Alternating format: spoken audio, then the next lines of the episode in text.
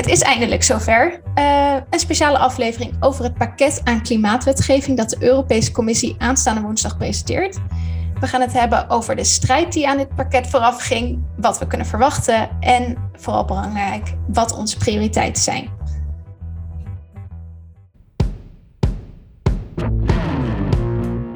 Welkom bij Bellen met Bas, de podcast over Europese politiek waarin we bijpraten met GroenLinks-Europarlementariër Bas Eickhout. Mijn naam is Mijke Vedder.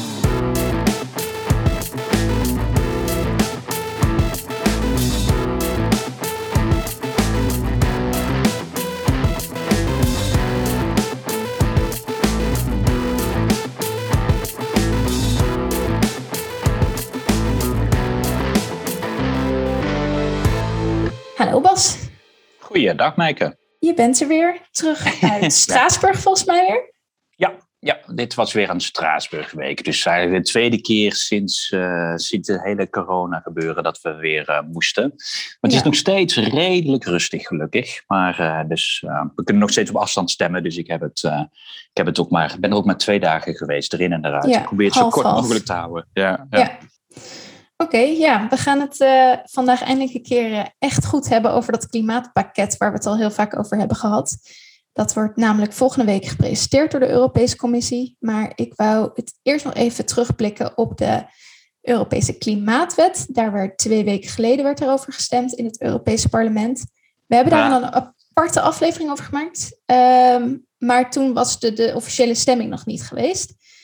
Um, en de Groenen die hebben tegengestemd. Um, ja. Ehm, ja, die, die klimaatwet, daar stond dus in dat uh, we in 2030 55% minder moeten uitstoten en in 2050 klimaatneutraal moeten zijn. Dat klinkt vrij ambitieus, maar uh, waarom hebben de Groenen ook alweer tegengestemd? Ja, dat, uh, kijk, op zich klimaatneutraliteit is heel mooi.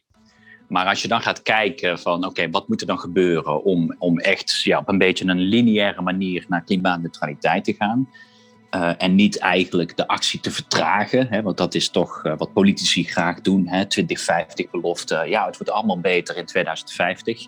Maar eigenlijk, en dat, dat, ja, dat hebben we volgens mij al best wel vaak besproken, uh, het allerbelangrijkste wat er nu moet gebeuren, is dat je, dat je eigenlijk nou, die sectoren die naar nul kunnen, zo snel mogelijk naar, naar een nul uitstoot duwt. Denk de energiesector of denk, denk aan de auto's op de weg. Hè, dat, dat kan echt sneller. Mm en dan zijn er een aantal sectoren, ja, daar, daar, daar zijn forse investeringen nodig. En ik denk dat ja, de bekendste wil zijn bebouwde omgevingen. Heel veel isolatie en renovatie nodig. Uh, en de industrie, de energie-intensieve industrie, dus de energiegebruikende industrie. Uh, denk aan chemie, staal, cement. Uh, ja, die zijn allemaal wel bezig met ideeën van hoe gaan wij klimaatneutraal worden. Maar die hebben bijna allemaal in hun plannen toch een soort van, ja, dan, dan kunnen we na 2030 met nieuwe technologieën waarschijnlijk uh, echte stappen zetten. Maar dan moet je nu al gaan investeren in die nieuwe technologieën. Dus uh, voor de makkelijkere sectoren zijn de komende tien jaar cruciaal. En voor de moeilijkere sectoren zijn qua investeringen in innovatie de komende tien jaar cruciaal. Dus, dus tussen 2020 en 2030 moet het gebeuren. Ja, en als dan de wetenschap zegt uh, klimaat beleid. Je moet eigenlijk als Europa echt aan een reductie denken van 60 tot 65 procent. Ja, dan is dit onvoldoende. En dan kun je natuurlijk zeggen, nou weet je, groene, uh, maar het is een stap vooruit. Maar het probleem is, we hadden al 2030 doelen. Hè? Dat was 40 procent. Dus we hebben al heel lang gelobbyd van we moeten meer uh, ambitie tonen. Nu hebben we eindelijk die stap. En dan is het nog steeds niet genoeg. En wij vrezen wel een beetje, ja, dit was onze laatste kans om, om de ambitieuze doelen voor 2030 af te spreken. Uh, waarschijnlijk gaan we niet nog zo'n kans krijgen. Je gaat niet voor een derde keer het hele pakket openbreken. Nee. En ja, dat was toch de reden van, dan, dan is dit onvoldoende. Dan, dan kunnen we hier niet mee akkoord gaan, want, want we moeten de Parijsdoelen halen. En de komende tien jaar moet het gebeuren. Dus dat, ja, dat was de afweging om toch te zeggen, we moeten hier een signaal afgeven dit is niet genoeg. En ja, dus, dus wilden wij niet het groene stempel van akkoord eraan geven. Nee. Uh, maar er is nu wel, er was wel een meerderheid voor die klimaatwet. Um, ja. En, en dat betekent ook dat uh, dat hele proces wat eigenlijk al in gang was gezet. Um, dat ja, andere wetgeving moet daardoor ook hervormd worden om die doelen wel te gaan halen. Dat wordt juist nu dus extra belangrijk om te gaan zien wat daar dan in staat en hoe ambitieus die maatregelen zijn.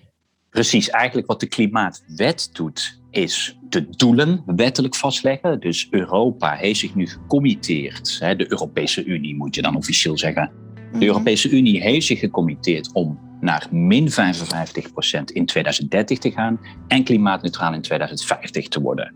Ja, en dan is de vraag, maar dan zullen wij, hoe komen we daar? Ja. Nou, daarvoor hebben we bestaande wetgeving die aangescherpt moet worden. En er zijn ook wel ideeën voor nieuwe wetgeving. Nou, en, en dat alles, dat is een gigantisch pakket van twaalf wetsvoorstellen. Het kan nog dertien, het kan elf, hè, dat kan nog een beetje schuiven. Maar ja, zoals we het nu horen, zullen het twaalf voorstellen worden. En die gezamenlijk moeten ons dus naar dat 2030-doel brengen. Ja. En, en, en dat hele pakket, dat is echt gigantisch wetgevend. Dus ja, bindend aan alle kanten. Uh, dat, dat komt 14 juli. Dus dat is eigenlijk het grote moment van, van de klimaatwetgeving. De klimaatwet was het doel. En nu, komt, ja, eigenlijk, nu komen de instrumenten om dat doel te halen.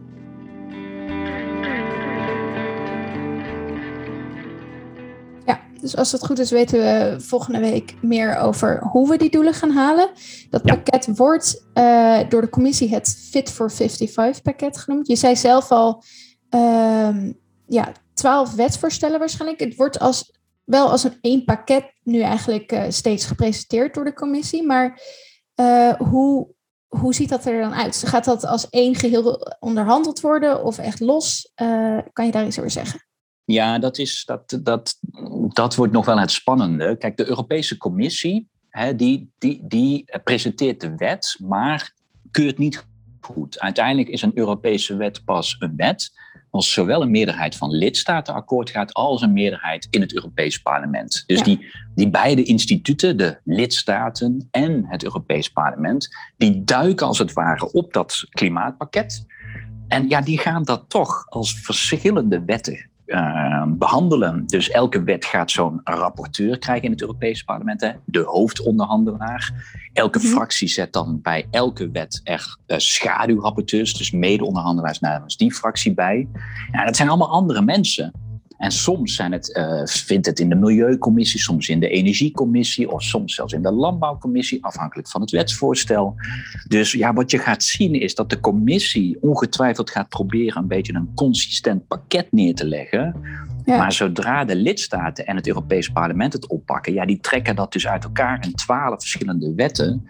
En die gaan ja, in twaalf verschillende processen die wetten behandelen. Dus de, de coherentie van het pakket ja, zal niet behouden blijven. Daar moet de commissie er nu al over nadenken van, van hoe zorgen we ja, dat we niet heel erg, dat het pakket niet afhankelijk van elkaar is. Want die coherentie, ja, de kans dat het bij elkaar blijft, is gewoon niet zo groot.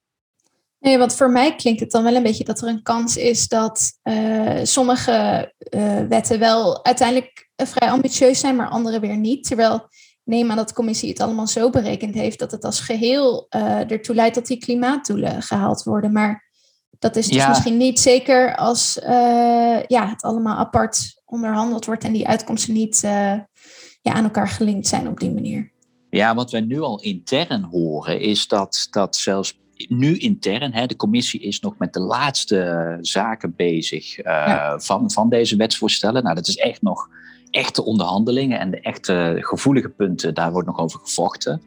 Ja, zelfs intern heeft de commissie het nog niet 100% zeker dat dat, dat ook straks precies naar min 55 gaat brengen. Mm. Laat staan als dat uh, straks wordt uh, behandeld door de verschillende instituten. Dus dat is ook waarom wij tegen de commissie zeggen: zorg nou dat je een beetje ja, wat ruimte wat, wat, wat de ruimte inbouwt.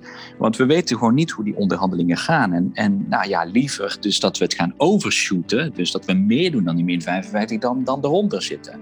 Ja, dat is nog niet gezegd. En, en je hebt helemaal gelijk in die onderhandelingen. Kijk, de rol van de commissie zal natuurlijk zijn om continu te zeggen: jongens, als jullie dit afzwakken, dan moeten jullie ergens anders meer doen. Hm die consistentie moet blijven. Ja. Maar uh, ja, dat, dat, dat, dat, of dat helemaal gaat lukken, dat, dat is echt nog wel een vraag. Want deze onderhandelingen ja, gaan minstens een jaar duren. Maar denk gerust ook wel aan twee jaar dat het kan duren.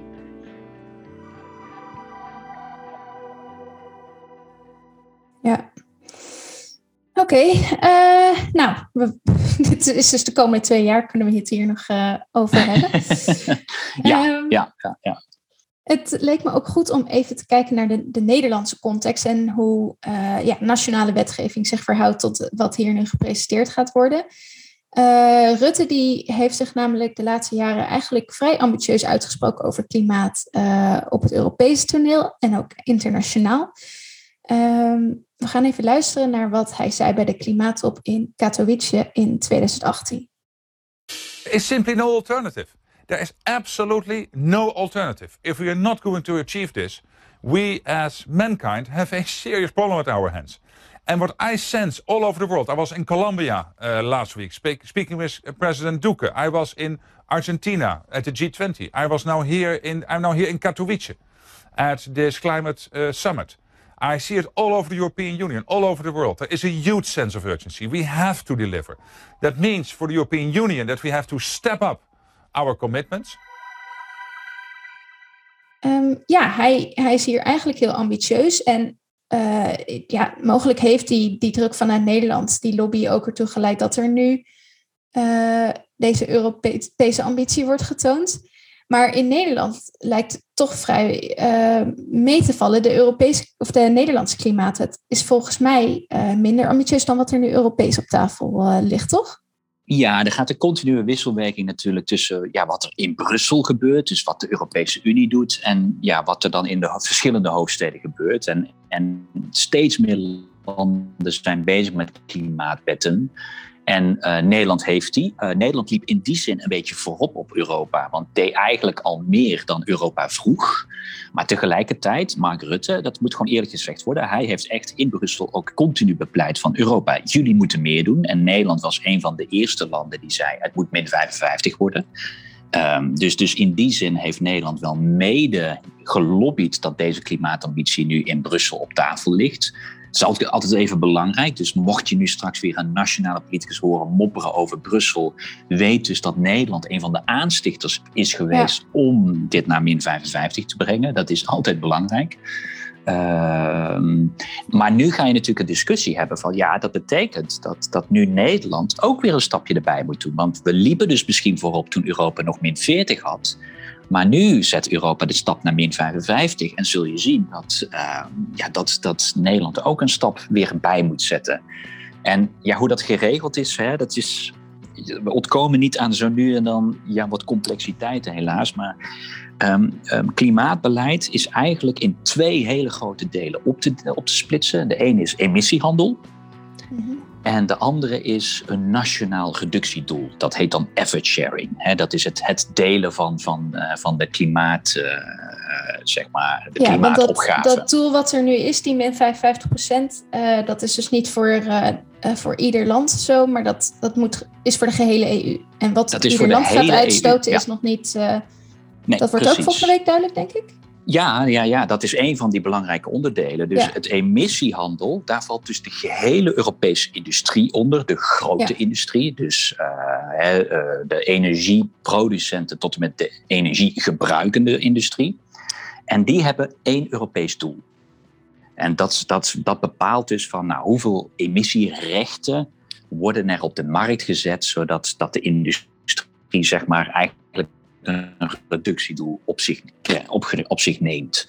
Dat is één Europees doel en de industrie verdeelt dat. Ja, die, meer daarvoor over heeft om rechten op te kopen, die kan dus meer blijven uitstoten. Maar de totale industrie zal binnen dat plafond moeten blijven van rechten. Um, dus ja, wat jouw land uitstoot, ligt een beetje aan wat de industrie in jouw land wel of niet wil opkopen. Dus dat is altijd wat moeilijk. Daarom dat in Nederland de discussie was. Wij willen in ieder geval dat onze industrie, omdat wij relatief een zware industrie in Nederland hebben. Dus bijvoorbeeld hè, onder druk van GroenLinks is er die CO2-heffing gekomen bovenop de CO2-prijs die, die Europees bepaald wordt en dus naar dat ETS uh, toewerkt. Ja. Nou, daar gaat dus een discussie in Nederland komen. Wat gaat er met die CO2-heffing gebeuren? De andere kant is die sectoren die niet onder emissiehandel vallen. Uh, en de belangrijkste zijn landbouw, transport en bebouwde omgeving. Dus de huizen, hoeveel je, je energie je verbruikt en dus uitstoot uh, voor Mhm. opwarming of airconditioning, hè, wat je gewoon in je huishouden gebruikt. Ja. En die sectoren vallen dus niet onder een Europees emissiehandelssysteem. En daar is dus per land een nationaal reductiedoel afgesproken. En dan heb je dus 27 reductiedoelen voor die drie sectoren. En dat mag het land dan zelf invullen hoe ze dat gaan halen. En je hebt dus een reductiedoel voor eh, de emissiehandel. En dat samen moet naar min 55 komen. Ja. Dus Ja, daar zal in Nederland de een hoop eh, moeten worden aangepast om, om eh, die nieuwe ambitie waarschijnlijk. Want ik neem aan dat die dus hoger zal zijn dan eh, eh, Ja. ja, wat er nu ligt in Nederland. Ja, klopt. Dus dat nationale doel voor Nederland zal opgehoogd worden. En dat betekent dat er een nieuwe opgave voor Nederland komt, eigenlijk voor landbouw, transport en bebouwde omgeving. Dus nou, we hebben al een stikstofdiscussie bij landbouw. Daar komt dus een nieuwe klimaatopgave bij. En ja, en bij transport is er natuurlijk een discussie over rekeningrijden. En bij de bebouwde omgeving nou, is er ook de discussie over hè, warmtepompen, isolatie, renovatie. Nou ja, dat, dat wordt allemaal een extra opgave, omdat Europa dus haar doel verhoogt. Ja, ja, en ik neem aan dat dat dus voor ieder Europees land zal gelden. Dat eh, nou ja, afhankelijk van de, de nationale context zal er eh, veel moeten veranderen. Absoluut. En, en eh, dat is ook waarom veel landen die effort sharing niet zo leuk vinden. Want dan krijg je echt Ja. een nationaal doel. En daar, hè, daar moet je dan naartoe werken. Dat is, dat is best wel lastig voor landen. Soms zit dat met gevoelige sectoren. Hè. Denk aan Ierland. Ja, daar is de grootste uitstoter toch hun, eh, hun, hun landbouwsector. Ja, moeten Ja. ze daar beleid op doen? Ja, het, het ligt aan, er zijn veel gevoeligheden. Dus je gaat in veel landen echt wel forse klimaatdiscussies krijgen ja, de komende tijd. Oké, ehm, nou, je je had het dus al over een aantal onderdelen, zoals het ETS, eh, dat hervormd gaat worden. Ehm, zijn er verder al, al bepaalde dingen gelekt? Dat zie je vaak eh, in Brussel, dat ja, die wetsvoorstellen worden gepresenteerd, maar toch weten we van tevoren al wel eh, ja, een aantal dingen over hoe dat eruit gaat zien. Is dat nu ook over dit eh, klimaatpakket? Is dat ook gebeurd? Ja, ja, maar het is dus wel, het, de versies die we hebben gezien, zijn eigenlijk de versies die zeg maar een, op ambtelijk niveau zijn besproken. Dus die versies is, geeft heel erg goed weer nou ja, wat op ambtelijk niveau de richting is. Daar zitten natuurlijk ook, ik bedoel, daar, dat is gecheckt, politiek is, is men gezegd, ja, ga die kant op. Maar goed, dat is ambtelijk ingevuld. Dus daar zitten nog best wel veel getallen in die niet ingevuld zijn. Dus er staan x of soms staat er een range van percentages. Oh, ja. Dus, dus dan weet je van oké, daar wordt nog over gediscussieerd. Ehm, maar ja, we- ik heb nu van bijna elk wetsvoorstel heb ik wel een lek gezien. Ja. Eh, en dat geeft wel heel duidelijk een idee in welke richting eh, de commissie aan het denken is. Maar op dit moment, die laatste week, wordt het echt op het, nou ja, op het commissarisniveau, hè, het, de, de, eh, dus echt het politieke niveau van de Europese Commissie, die zijn het nu aan het bespreken. Ja, dan wordt het echt politiek. Dan zitten er ook commissarissen die gewoon nog een opdracht van hun hoofdstad hebben gekregen. Dus dan zit er bijvoorbeeld eh, de Poolse commissaris van Landbouw, die het ineens heel erg heeft over een moderniseringsfonds bij emissiehandel. Hm. Dus dan zie je ook ineens dat commissarissen daar toch ook echt wel met een nationale pet in dat college van commissarissen Ja, ja. zitten. Ja, ja, dus dat is nog wel spannend. eh, wat, hoe die politieke uitwerking nou is en wat er dan uiteindelijk eh, ja. eh, komt te liggen. Er gaat nog veel getrokken worden en, en de precieze invulling gaat echt nog veranderen. Dus alles wat ik nu ga zeggen, Ja. kan, kan nog gaan zout. veranderen. Ja, ja, Ja, ja, Sowieso gaan- altijd met de kooltjes zout nemen. Zeker. Eh, ja, we gaan volgende week gaan we ook nog een aflevering opnemen om eh, ja, te kijken wat, wat er dan inderdaad eh, echt op tafel ligt. Maar het lijkt me goed om alvast een paar onderwerpen door te nemen om, om voor te bespreken en te kijken wat, daar, eh, ja, wat wij hopen daar te zien. Ehm, het lijkt me goed om te beginnen met emissiehandel. We hebben het daar al eerder over gehad. Je noemde het net ook. Dat ja, zijn eigenlijk die soort tegoedbonnen die de industrie dus moet kopen om uit te stoten. Ja. En dat, dat Europese systeem, dat gaat dus ook hervormd worden ehm, om die nieuwe doelen daarin te verwerken. Eh, wat, Ja. zijn, ja, wat zijn de belangrijkste punten eh, die jij hoopt eh, ja, dat die veranderd gaan worden of juist niet?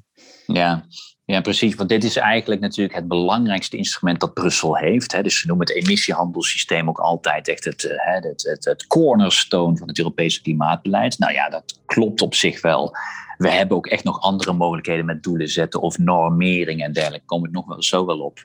Maar, maar dit is natuurlijk wel het, het uh, pièce de résistance van het Europees klimaatbeleid, het mm. emissiehandelssysteem. Ehm, ja, wat je ziet is, daar lijken de hervormingen bij het klassieke emissiehandelssysteem redelijk beperkt. Uh, dus, wat er, dus wat er zeker aangepast gaat worden, is natuurlijk hè, dat je hebt een plafond van hoeveel rechten op de markt komen. Hè. Jij, hè, wat je zei, dat zijn tegoedbonnen. Nou ja, je, de uitstoot moet naar beneden, dus het aantal tegoedbonnen dat je elk jaar kan opkopen, wordt steeds minder. Ja. Dat wordt afgebouwd. Hè. Dat, dat is logisch, want we willen minder gaan uitstoten. Um, we gaan nu ambitieuzer worden, dus dat plafond moet nu harder naar beneden. Nou ja, een van de cruciale vraagstukken is natuurlijk hoe hard gaat dat plafond naar beneden? Nou, dat is één parameter waar echt nog tot op het laatste moment uh, aan gesleuteld gaat worden. Plus is dit natuurlijk ook waarmee je altijd, ja, hoe dan ook, om op die min 55 te komen, kun je deze altijd nog wat scherper aandraaien. Maar goed, de industrie zit natuurlijk nu te lobbyen van jongens, niet alles op ons afwentelen. Er moeten ook andere sectoren aan de bak. Die zijn natuurlijk bang dat op alle sectoren er straks zo weinig gebeurt dat straks alles uit het emissiehandelssysteem gehaald moet worden. Nou, dus daar zit nu een gevecht op. Um, kleine technische kant, maar wel een belangrijke. Uh, er, zit eigenlijk, er zit nog steeds een overschot aan rechten in het systeem. Dus je hebt eigenlijk een soort luchtpijl in, in het systeem zitten. Nou ja, wij bepleiten al langer, haal die luchtpijl er nou uit. Dus uh, schrap gewoon eigenlijk, dat, dat, noem, dat wordt dan rebasing genoemd. Het is eigenlijk gewoon het weghalen van, van een deel van die luchtpijl, zodat jouw startpunt iets lager is en dan hoef je dus minder stijl naar beneden. Uh, dus, dus, dus, dus dat, dat, dat, dat, dat, dat rebasing, hoeveel wordt er in het basisjaar weggehaald? Dat is een andere discussie die uh, ook nog gespeeld okay. wordt. Wat je uiteindelijke doel is natuurlijk dat die rechten, dat er zo weinig van zijn dat het erg duur is om te vervuilen. En het dus aantrekkelijk en goedkoper wordt om te innoveren en te verduurzamen. Precies, dat is, en, en, en daar zit natuurlijk een beetje onze kritiek waarom wij vinden dat het doel eigenlijk ambitieuzer had gemoeten. Kijk, ik geloof wel dat we op min 55 gaan komen straks. Maar nogmaals, we moeten wel echt zeker weten dat dat gaat gebeuren.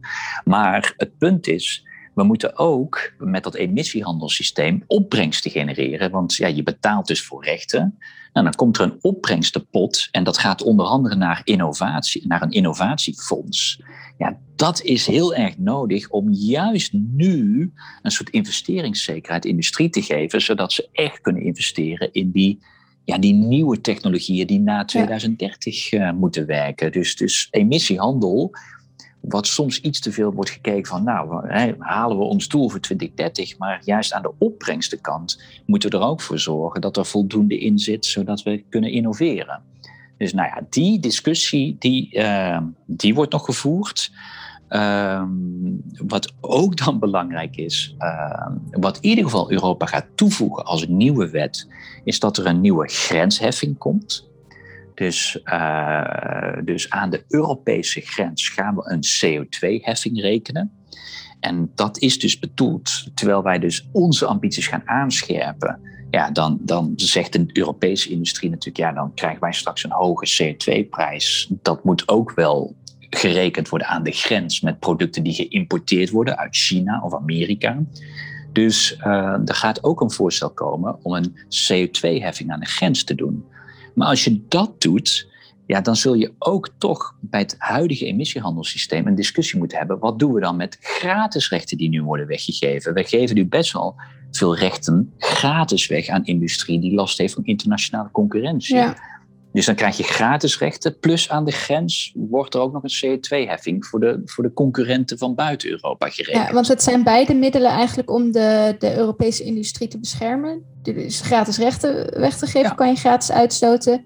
En ook die grensheffing zorgt ervoor dat uh, er geen oneerlijke concurrentie is uh, met, met buitenlandse Precies, en je kan, dus, ja, je kan dus eigenlijk niet allebei doen. Uh, en dus is er een discussie, dan moeten die gratis rechten uitgefaseerd worden. Nou, er is nu een heel gevecht gaande hoe snel wordt uitgefaseerd, of meer mijn lezing, hoe langzaam wordt uitgefaseerd. Want de laatste lekken die we hebben gezien, is dat men eraan denkt om dit uit te faseren tot 2035. Dus dat, dat is nog bijna 15 jaar lang gaan ze gratis rechten. En dat is een subsidie. Hè? Dat klinkt als een gratis recht, maar het is niets anders dan een subsidie die een bedrijf krijgt.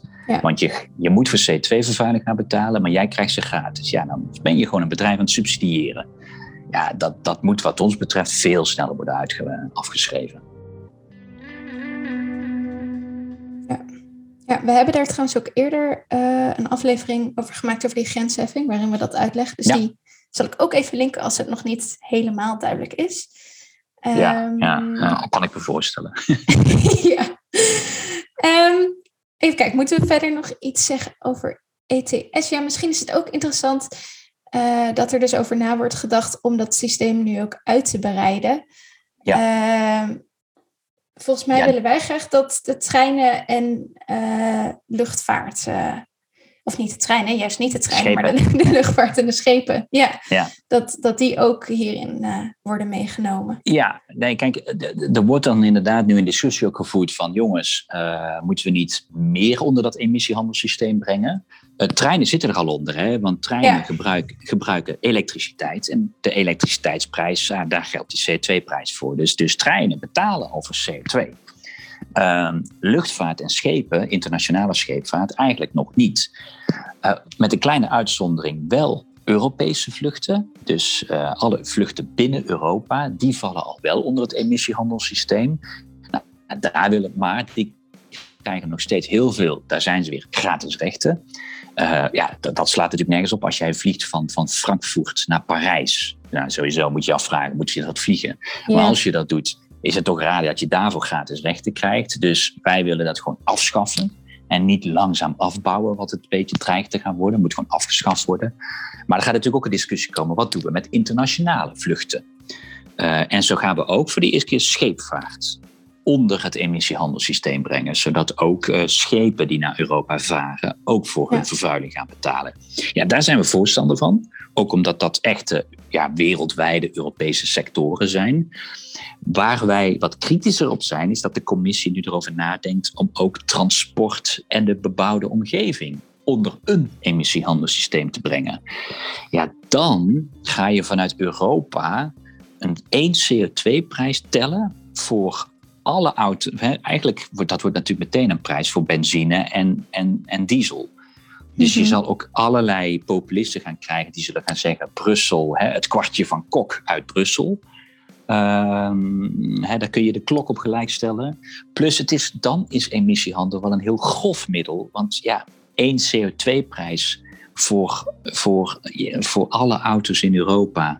Uh, of voor alle huizen in Europa. Voor de gasprijs in Europa. Ja, dat, dat, dat is eigenlijk, dat vinden wij gewoon een, een te grof middel. Ook omdat je dan heel erg goed moet nadenken over sociale compensatie. Omdat als je, als je dit doet met één CO2-prijs, ja, dan hebben met name de mensen die het minste verdienen, die worden relatief het hardste geraakt. Want ja, je moet je huis opwarmen, je, je zal je moeten transporteren. Um, dus daar zit een hele sociale dimensie aan. Uh, nou komt de commissie waarschijnlijk met een voorstel van een sociaal fonds. Maar ja, een hele wezenlijke sociale vraag te compenseren met een fonds uit Brussel, ja, dat gaat ook niet werken. Uh, plus, waar we heel erg bang voor zijn, is dat dit ook heel erg de, de druk wegneemt voor landen om iets te doen. Denk even in Nederland. Hoe lang hebben we nu al een discussie over de kilometerheffing? Uh, waarbij nu echt iedereen voor is, behalve de VVD en de Telegraaf. Bedoel, RAI en AWB zijn voor. Maar hebben we wel altijd gezegd dat dat, dat wel gedifferentieerd moet worden naar uh, Randstad en buiten de Randstad, uh, tijdens de spits of buiten de spits. Dus een best wel gedifferentieerd systeem. En ja, wat er nu gaat gebeuren is dat, uh, dat er straks één CO2-prijs uit Brussel komt. Ja, dan, dan kan, kan een VVD zich daar achter gaan verschuilen. Van, nou, dan hoeven wij geen rekeningrijden meer te doen. Dus die uitbreiding vinden wij niet slim, om heel eerlijk te zijn. Ja, ja want het verschil, um, als ik dan even kijk tussen inderdaad vliegtickets en het huis waarin je woont of de auto waarin je rijdt, is denk ik ook dus inderdaad, zoals je zegt, dat die verschillen in Europa veel groter zijn. Luchtvaart is sowieso al internationaal uh, georganiseerd. Ja. Um, ja. En, en ook ja, het huis waarin je moet sowieso in een huis natuurlijk uh, wonen. Nou ja, dit raakt meteen. Kijk, uh, waar wij ja. willen is dat bij luchtvaart er alternatieven komen, daar waar ja. dat mogelijk is. Ja, bij huizen en, en nogmaals ook voor een hele hoop regio's zul je afhankelijk zijn van een auto. Ja ja, dat, dat, en dan komt dat sociale, nou ja, dat sociale verdelingsvraagstuk wel heel ja. erg prominent op de agenda.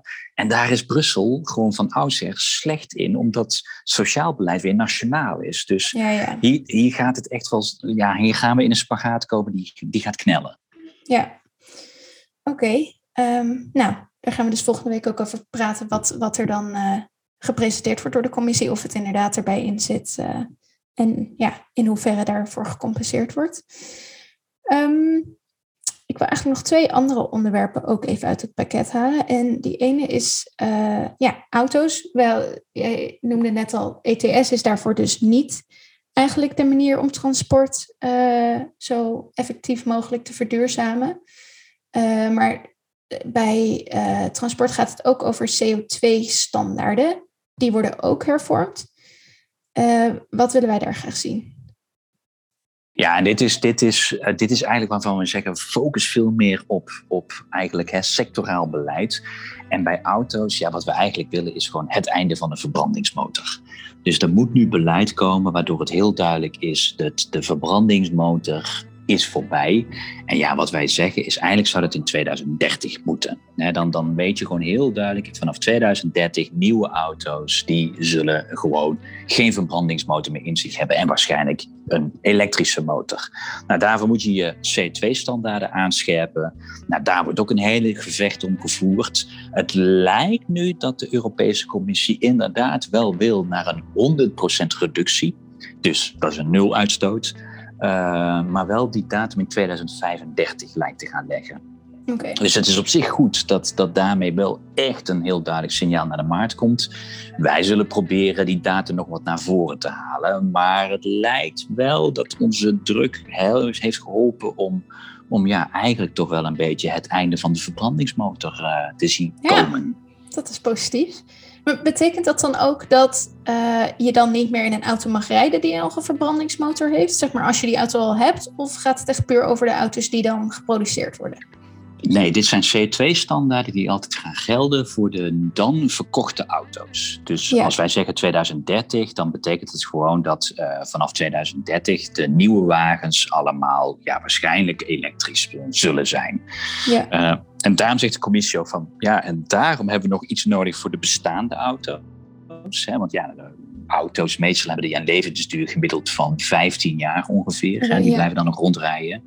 Uh, daarom zeggen wij, wees zo snel mogelijk met de nieuwe auto's op nul krijgen. Dan heb je minder lang last van uh, de vervuilende auto's. Ook zeker voor stedelijke luchtkwaliteit uh, heel belangrijk. Um, maar goed, wij willen dus liever dat er gewoon veel minder nationale druk komt om, om aan die CO2-beprijzing bijvoorbeeld binnen landen te werken.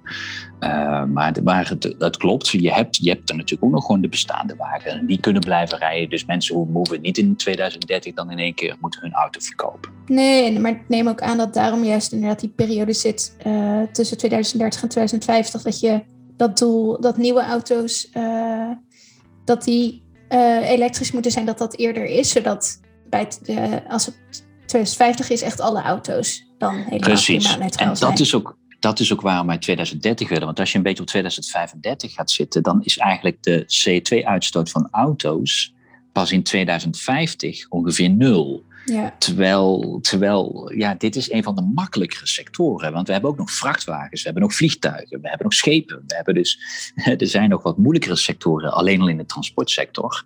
Ja. Uh, dus ja, als wij met de auto's nog maar net op nul komen in 2050, ja, dan, dan wordt klimaatneutraliteit wel een hele grote opgave. Ja, dus ja, dus daar, daarom dat ze Dat zeggen... laat ook weer die de- samenhang zien uh, met Precies. die andere wetgeving. Dit, ja. dit, is, dit is de makkelijkste in de transport. Ja. Dus zorg nou dat die zo snel mogelijk op nul staat.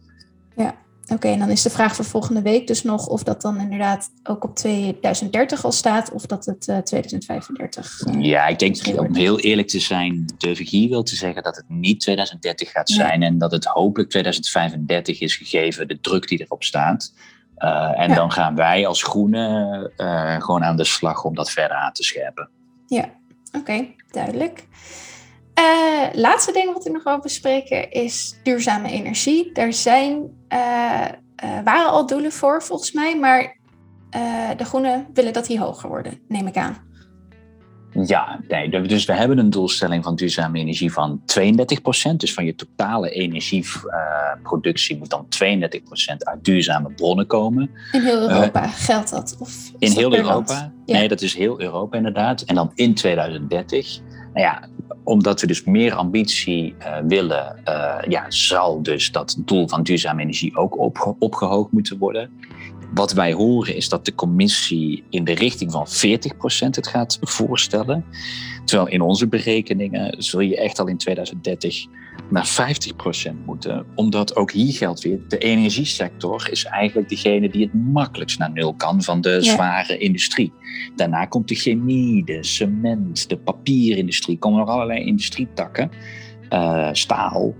Uh, dus, dus, dus in ieder geval, die energiesector moet als eerste gaan. Ja, wil je rond 2040 op nul komen, ja, dan, dan moet je echt harder met duurzame energie gaan.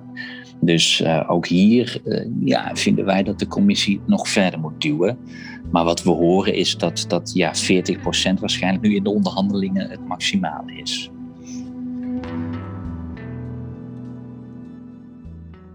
Oké. Okay. En uh, ook dus dat dat, uh, dat dat binnen wordt per land, neem ik aan. Nee, ja, tenminste, dat zouden wij heel graag willen. Uh, want, want er zijn grote verschillen in Europa qua ontwikkeling van duurzaam. Zweden ja. zit al ver boven 50%, dus meer dan de helft komt uit duurzame bronnen. Uh, maar je hebt landen die, die, die zitten nog maar rond de 10%. Uh, Nederland zit net rond de 14%, dus er zitten grote verschillen. En ja, je zal als Europa toch echt hier gezamenlijk stappen moeten zetten. Dus wij zouden graag nationale doelen willen. Uh, maar dat, dat, dat verwacht je niet. Nee, dat lijkt, dat lijkt op te veel verzet. Want dat vinden landen natuurlijk niet leuk. Nee. Want stel je je voor, dan moet je, ja, word je meer verplicht tot iets. Dat... Ja. Oké. Okay. Nou, ook iets om volgende week uh, dus naar te kijken. Um, ik neem ja. aan dat het volgende week dus een enorm boekwerk wordt aan, uh, nou ja, dus die twaalf verschillende wetten. Ja. Uh, heb jij nog speerpunten, dingen waar mensen op moeten letten als ze daar toch naar willen gaan kijken? Waar, waar, waar, uh, ja, waar liggen de prioriteiten? Wat, wat gaat misschien opvallen of niet? Ja, kijk, dus, dus die verschillende percentages waar we het over hadden, die uh, worden belangrijk. Maar ik zou vooral kijken van wat gebeurt met die gratis rechten? Ja. Want daar zit natuurlijk ook die sociale vraag. Ja, als jij straks een emissiehandelssysteem gaat krijgen voor transport in bebouwde omgeving. Dat betekent dat consumenten voor CO2 gaan betalen, terwijl bedrijven nog gratis rechten krijgen. Ja, ja dat, dat is echt niet te rijmen. Hè? Als je het hebt, hebt over wie betaalt de rekening, ja, dan, dan, dan is natuurlijk van het, het normaal dat, dat daarmee de grotere vervuilers meer betalen dan de kleinere vervuilers. Nou ja, ja. Dus, dus kijk vooral wat gaat met die gratis rechten, dat is een belangrijke. Mm die, nou ja, uh, dat vraagstuk van sociale compensatie. Hoe gaat dat construct van dat fonds eruit zien? Ja. Uh, ja, je hoort al, ik ben daar sceptisch over, maar misschien dat er nog iets geniaals uit de hoge hoed komt. Dus, ja, dus dat weet. is zeker interessant om te lezen. Ja. Um, bij duurzame energie zit natuurlijk nog de hele discussie rondom biomassa, de duurzaamheidscriteria. Worden die aangescherpt? He, dat, dat is eigenlijk beloofd door de commissie, ook door Frans Timmermans. We gaan het aanscherpen. Nou ja, dat moet wel echt gebeuren. Uh, dus, dus, dus gaat dat gebeuren? Dat is zeker nog wel een, uh, een, een, um, een interessante. Uh, ja, er zit, er zit best wel veel. En nou ja, de laatste die ook nog wel energiebesparing. Gaat dat nou echt prioriteit worden? Want dat is toch uiteindelijk, hè, hoe minder energie gebruikt, hoe minder je het hoeft te vervangen. Ja. Uh, en dan hebben we een hele moeilijke discussie altijd over: willen we dat wel, dat niet? Biomassa, kernenergie, allemaal discussies. Maar gewoon minder energie gebruiken is het allerbelangrijkste. Nou ja, energiebesparing is altijd een beetje het ondergeschoven kindje. Ga we echt zien dat deze commissie energiebesparing vooraan zet? Nou ja, Ja. dat is ook nog wel een, eh, een interessant vraagstuk. Oké. Eh, nou, ik denk dat mensen zo genoeg eh, huiswerk hebben om inderdaad. Gebombardeerd genoeg zijn. ja. Ehm, maar ik wou ook nog meegeven: we hebben een nieuwe webpagina. Eh, waar dit ook allemaal nog uitgebreid op staat uitgelegd. Dus eh, mocht het toch iets te snel zijn gegaan of je wil over bepaalde onderwerpen nog meer weten, dan kan je daar terecht. Dan moet je naar europa.groenlinks.nl en dan staat bovenaan eh, het artikel over dit klimaatpakket. Ehm, ja, en volgende week spreken we elkaar weer. Dan gaan we dus kijken wat er echt op tafel ligt en hoe tevreden we daarmee zijn of wat er nog moet gebeuren. Want eh, er komen daarna nog eh, een hoop onderhandelingen aan, zoals jij al zei, over eh, al die ja, twaalf verschillende wetten. Ehm, en nog een laatste mededeling. We doen maandag. ga jij op YouTube in gesprek met Helene de Koning. Zij is klimaatwetenschapper, ook over ja, dit pakket en wat daarin belangrijk is en wat we kunnen verwachten. Als je daar nog voor op wilt geven, kun je naar, datzelfde, naar diezelfde webpagina gaan. Eh, bovenaan op europa.groenlinks.nl. Ehm, nou, volgens mij waren alle, dat alle huishoudelijke mededelingen. Ehm, dan eh, wil ik jou heel erg bedanken voor, eh, voor vandaag, Bas. Graag En gedaan. dan eh, praten we volgende week weer verder. Ongetwijfeld. En, en wat je zei, dit, de on- dit is het begin van de onderhandelingen. Hè. Dus eigenlijk gaan we nu echt beginnen met de Green Deal. En dit Ja. is deel 1. Hè. Daar gaat nog biodiversiteit, circulair. Dus nou, er komt heel veel aan met de Green Deal. En dit is eigenlijk het eerste echte wetgevende pakket van, eh, nou, dan specifiek op klimaat en energie. Dus eh, Ja, De Green Deal gaat nu- ja, we gaan, het gaat nu pas beginnen. Yes. Oké, tot volgende week.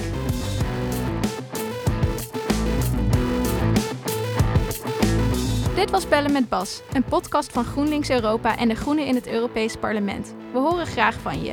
Laat je reactie achter op vriendvandeshow.nl slash bellen met Bas en meld je aan voor onze Europa-update op europa.groenlinks.nl. De audiovormgeving is door Studio Cloak. Tot een volgende keer!